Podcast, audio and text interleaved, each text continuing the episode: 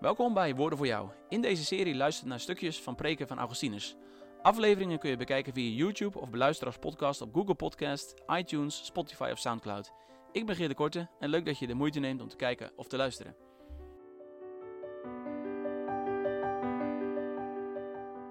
Hartelijk welkom bij deze speciale kerstpreek van Augustinus. Zoals elke dominee heeft ook tijdens kerst preken gehouden. En ook in de tijd van Augustinus, dus zeg maar zo'n beetje 1600 jaar geleden, werd kerst al op 25 december gevierd. En dat zien we ook terugkomen in deze preek. Ik ga het eerste deel voor jullie lezen. Heden is ons de heiland geboren. En daarom is heden voor de gehele wereld de ware zon opgegaan. God is mens geworden, zodat de mens God kon worden. Om de slaaf zich tot de Heer te laten keren, heeft de Heer het bestaan van een slaaf aangenomen. De bewoner van de hemel heeft op aarde gewoond, zodat een aardbewoner, de mens, in de hemel kon wonen. Geboren is ons dus de heiland. De vrucht van de verstoten wet werd geboren en zag het licht. Eeuwig geboren uit de vader. Eenmalig uit de moeder. Wij hebben immers gehoord over twee geboorten van onze Heer Jezus Christus. Allereerst een goddelijke en vervolgens een menselijke geboorte. Maar beide zijn zo wonderlijk dat bij de ene geboorte de rol van de moeder, bij de andere de rol van de vader afwezig was. De ene geboorte van hem is eeuwig, zo kon hij de geboorte in de tijd scheppen. De andere geboorte van hem is in de tijd. Zo zou hij de oorzaak zijn van de geboorten in eeuwigheid. Van de ene kant was hij in de gestalte van God aan de Vader gelijk, en aan de andere kant in de gestalte van een slaaf aan de Vader onderworpen. De schepper van de tijd is geboren in de tijd. Hij is zo klein geworden dat hij door een vrouw ter wereld werd gebracht. Toch bleef hij zo groot dat hij, niets, dat hij niet werd afgescheiden van de Vader. Augustinus spreekt hier van het wonder van de menswording van Christus. En daar spreekt hij over twee geboorten. De ene is de eeuwige geboorte door de Vader, en daar kwam geen vrouw bij te pas.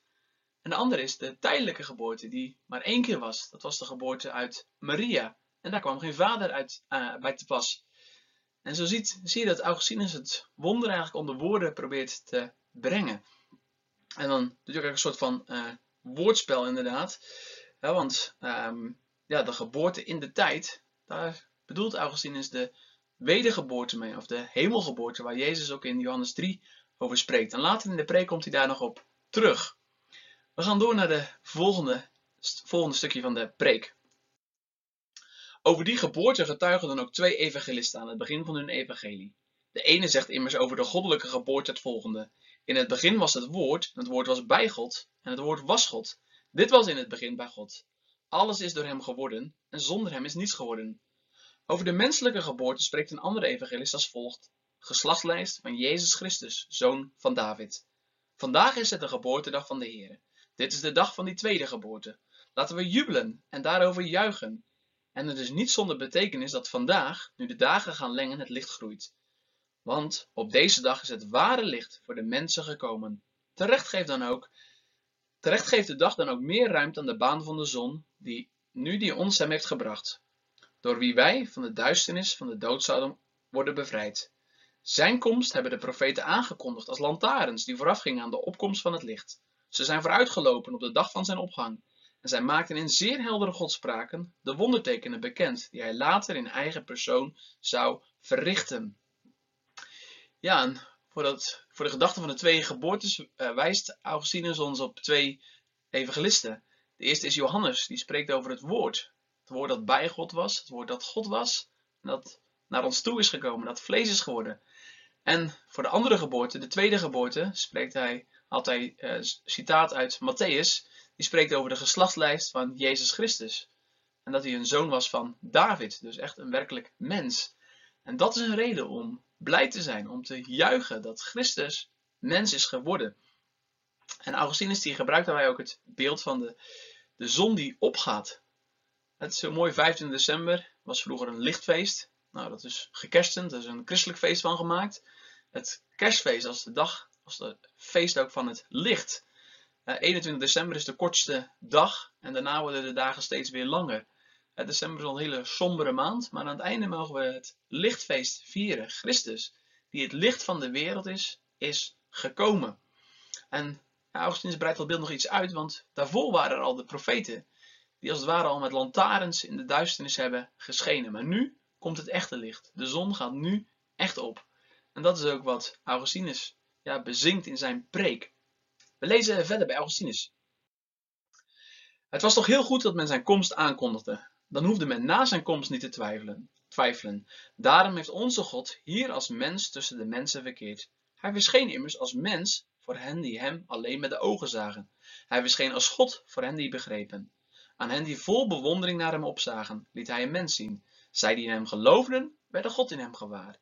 Het zien van zijn zwakheid heeft zwakke mensen genezing gebracht. Het aanschouwen van zijn goddelijkheid vraagt sterke mensen. Ja, wat hebben de mensen in Jezus tijd gezien? Zijn leeftijdsgenoten, kinderen die eerst met hem gespeeld hebben, die zagen gewoon een mens. Later zagen ze iemand die timmerman was, die werkte bij zijn vader. Maar toch was er meer. En dat bleek ook toen de Heer Jezus gedoopt was. Ging verkondigen. Wonderen ging doen. Daaruit bleek dat hij echt werkelijk God was ook. Hij vergaf mensen hun zonde. Ja, wie kan dat doen? Dat kan alleen God. En hij deed eh, wonderen. Hij wandelde over het water. Dat doet alleen de Heer. Nou, dat zijn allemaal dingen die laten zien dat hij werkelijk God was. Maar dat zagen alleen de mensen die in hem geloofden. En veel anderen zagen gewoon een mens. We lezen verder bij Augustinus.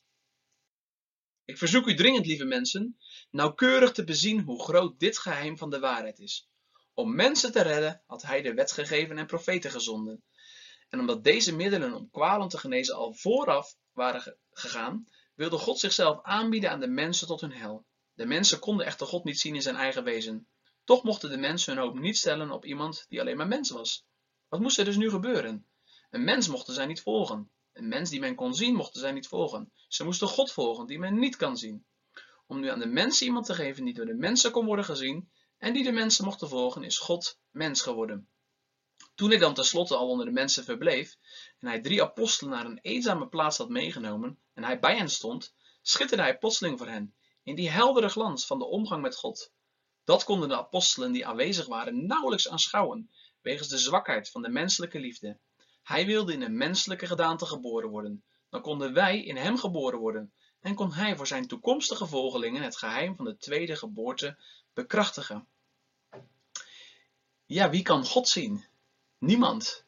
Mozes heeft een klein tipje van de sluier opgelicht zien worden. Maar dat was al zo groot voor hem dat de mensen een doek over zijn gezicht moesten leggen om die heerlijkheid te zien. Dus wij kunnen God niet zien. Ja, wie moeten we dan volgen? Mogen we dan mensen volgen? Nee, dat mag ook niet. En daarom is God mens geworden, zodat wij God kunnen volgen in de gedaante van een mens. En iets van die heerlijkheid bleek ook toen de Heer Jezus hier op aarde, op de berg was, op de berg van de verheerlijking. En dat was een moment waarop hij iets van zijn heerlijkheid liet zien. En Petrus wilde toen gelijk ook een tabernakel, waren, tabernakel maken om die heerlijkheid vast te leggen. Maar dit was nog niet het moment waarop de Heer Jezus zijn heerlijkheid hier op aarde zal vestigen. Dat zal pas zijn als hij terugkomt. Dan zal de tabernakel van God bij de mensen zijn. Dan zal God zelf bij de mensen zijn. Dan mogen we hem zien zoals hij is. We lezen verder bij Augustinus. Zo konden wij die onder de druk van de eerste geboorte in schuld gevangen bleven, de bescherming krijgen van een tweede geboorte, door in de voetstappen van onze verlosser te treden. En omdat wij in God en uit God geboren zijn, konden wij, toen wij de Heilige Geest als onderpand van ons heil ontvingen, door die bescherming de boeien van de vroegere dood verbreken. God wilde dus wat hij eerst aan anderen had opgedragen zelf aan de mensen onderrichten. Daarom heeft hij zijn goddelijke macht gematigd door mens te worden en heeft hij tijdens zijn rondgang het duister tot zijn woonplaats gemaakt, toen hij zich bedekte met de tent van het lichaam. Door zo'n groot onuitsprekelijk geheim geldt Christus onze God als God en mens. Door de moeder was hij mens, door de vader God. Zo geschiet dat elk van beide woorden die hij zegt waar is. De Vader is groter dan ik. En ik en de Vader, wij zijn één. Want door goddelijkheid is hij aan de Vader gelijk en door menswording is hij aan de Vader onderworpen. Ja, hier spreekt Augustine nog verder over die eerste geboorte. Door onze eerste geboorte als mens zijn wij geboren als zondige mensen, gebroken mensen. Maar door de tweede geboorte, of de wedergeboorte of de hemelgeboorte, zijn wij aan hem verbonden en zijn we ja, verlost, krijgen we bescherming, zegt hij hier. En ja, dat heeft de Heer gedaan. De Heer is zelf mens geworden. Hij heeft iets van zijn heerlijkheid ook neergelegd. Uh, Augustinus zegt hij, hij heeft zijn goddelijke macht gematigd. Om ons, zondige mensen, te redden, te bevrijden.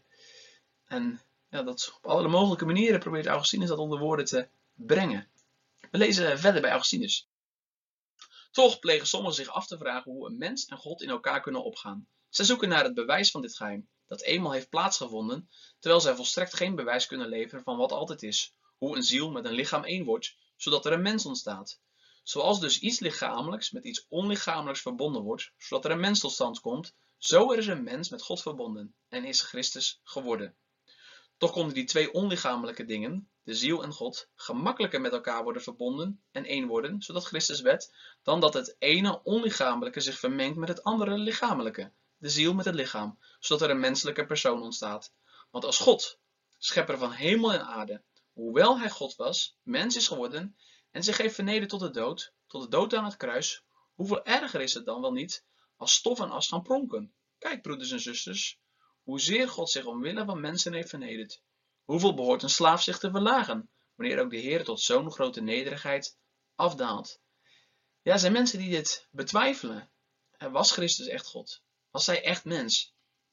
Augustinus gebruikt dan het beeld van een mens. Wij zijn ziel en lichaam. Nou, als wij zowel een onlichamelijke ziel, een, een ziel kun je niet zien.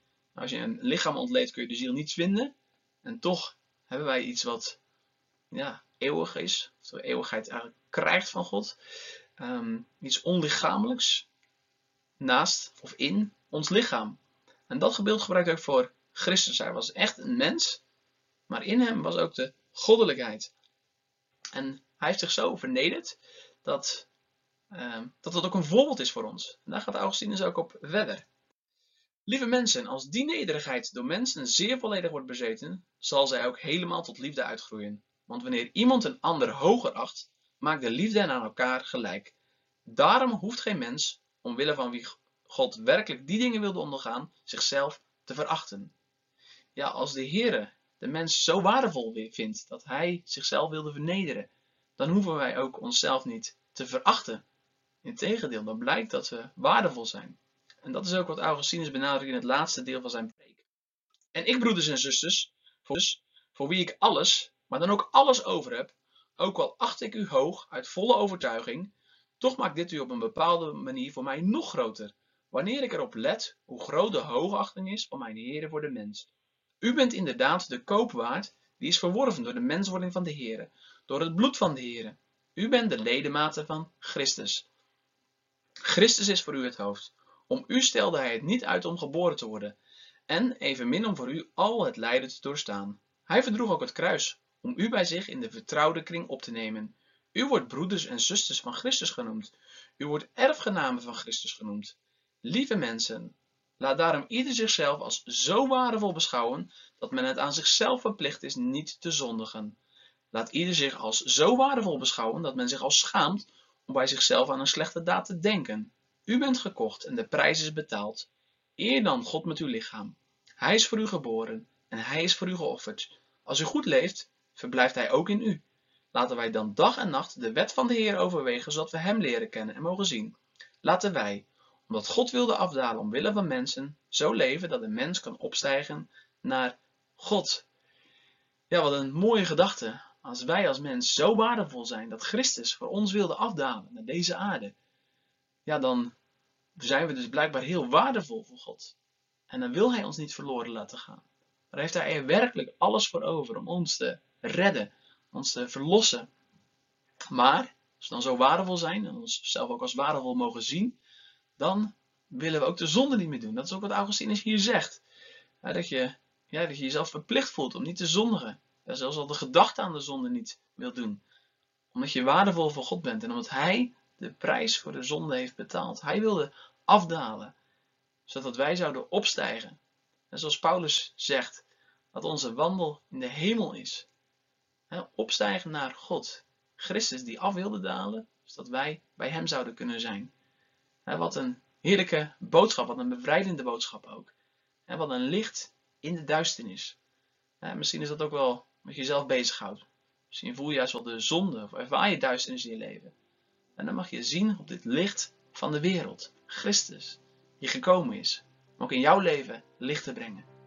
En ik wens je ook zulke goede dagen met kerst toe, vol van het licht van de wereld.